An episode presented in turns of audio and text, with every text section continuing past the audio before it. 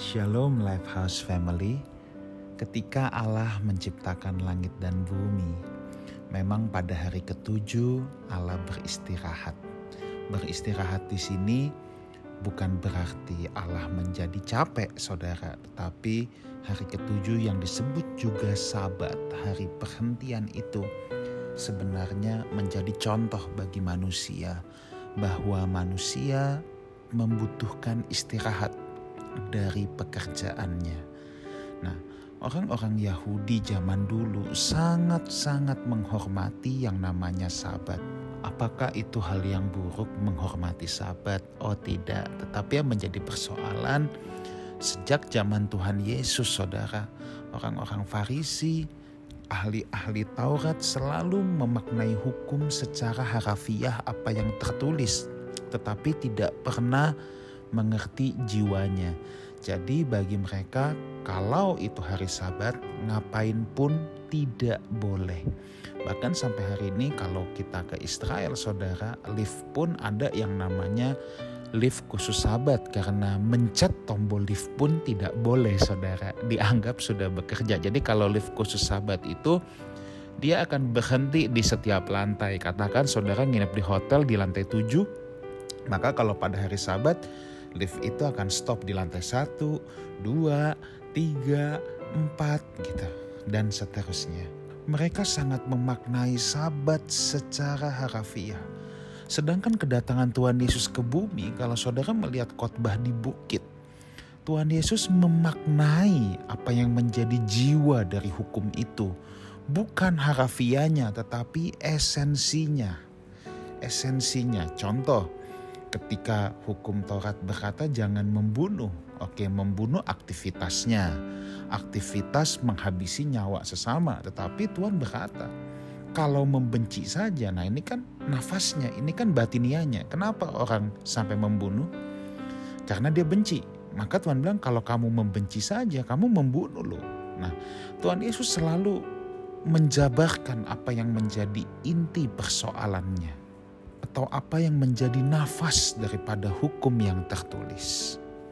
Jadi satu kali dalam Matius 12 saudara ayat 1 sampai yang ke-8 orang-orang Farisi sedang menuding murid-murid Tuhan Yesus bahwa mereka tidak boleh bekerja, tidak boleh memetik gandum, bulir gandum pada saat hari Sabat.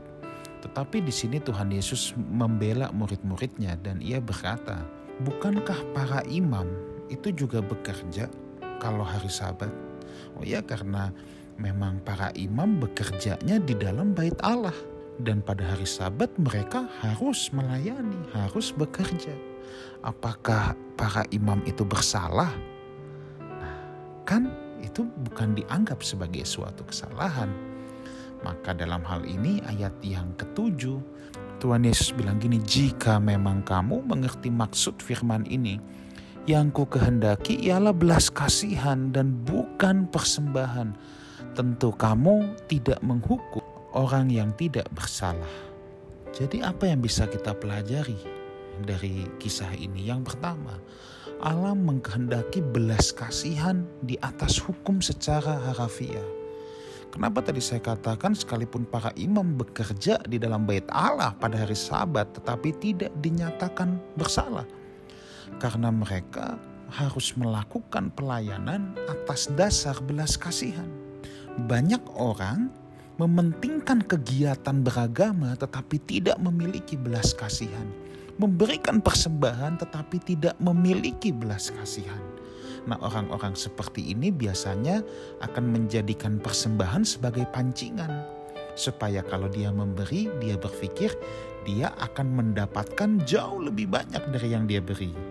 Lalu, pelajaran kedua yang bisa kita belajar, dapat kita simpulkan gini, saudara: manusia memang harus beristirahat dari bekerja mencari nafkah, tetapi untuk berbuat baik, kita tidak memerlukan istirahat Berbuat baiklah kapan pun kita bisa. Berbuat baiklah kapan pun kita memiliki kesempatan itu.